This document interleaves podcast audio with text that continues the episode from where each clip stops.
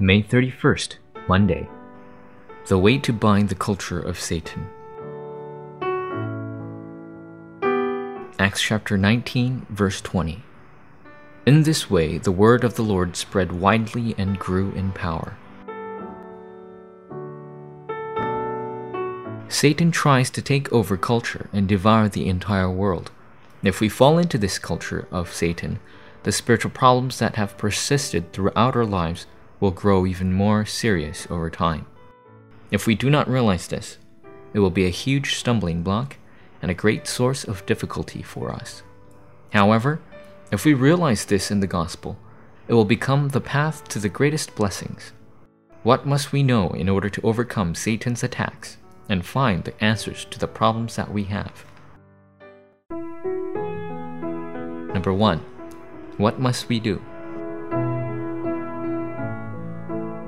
There is something that we must do in order to overcome the culture of Satan.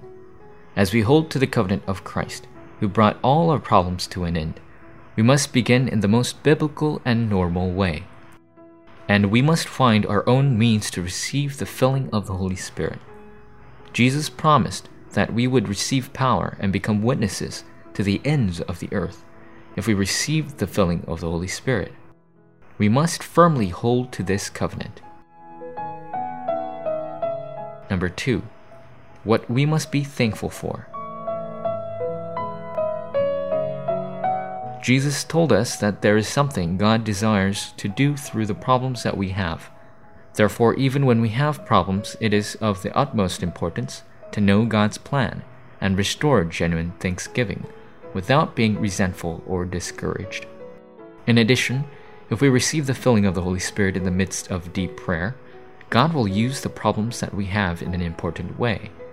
Paul was very spiritually afflicted, but after meeting Christ, he was able to cure with the gospel those who were sick and demon possessed.